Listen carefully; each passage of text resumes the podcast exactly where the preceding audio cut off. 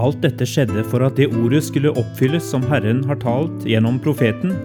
Se, jomfruen skal bli med barn og føde en sønn, og de skal gi ham navnet Immanuel. Det betyr Gud med oss. Lukas 1, 22-23. Jeg har tenkt på den sangen Josef sang til Jesus etter fødselen, sa Elisabeth. Den var så fin. Hva var det han kalte Jesus for? Var det Immanuel? Ja, sa Maria, vi ga ham to navn, Jesus Immanuel. Herren frelser, Gud er med oss.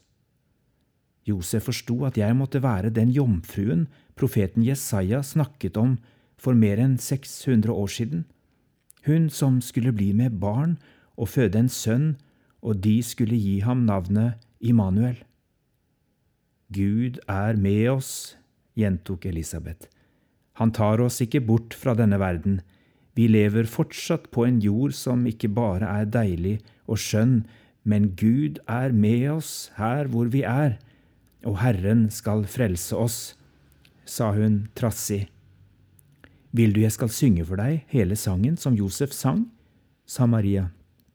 Ja, syng for meg, sa Elisabeth. Takk, min Jesus, alltid med oss, bær du oss, Immanuel. Skammen, syndene og smerten, du har tatt alt sammen på deg selv. Immanuel, Gud er med oss i byens larm i kveld.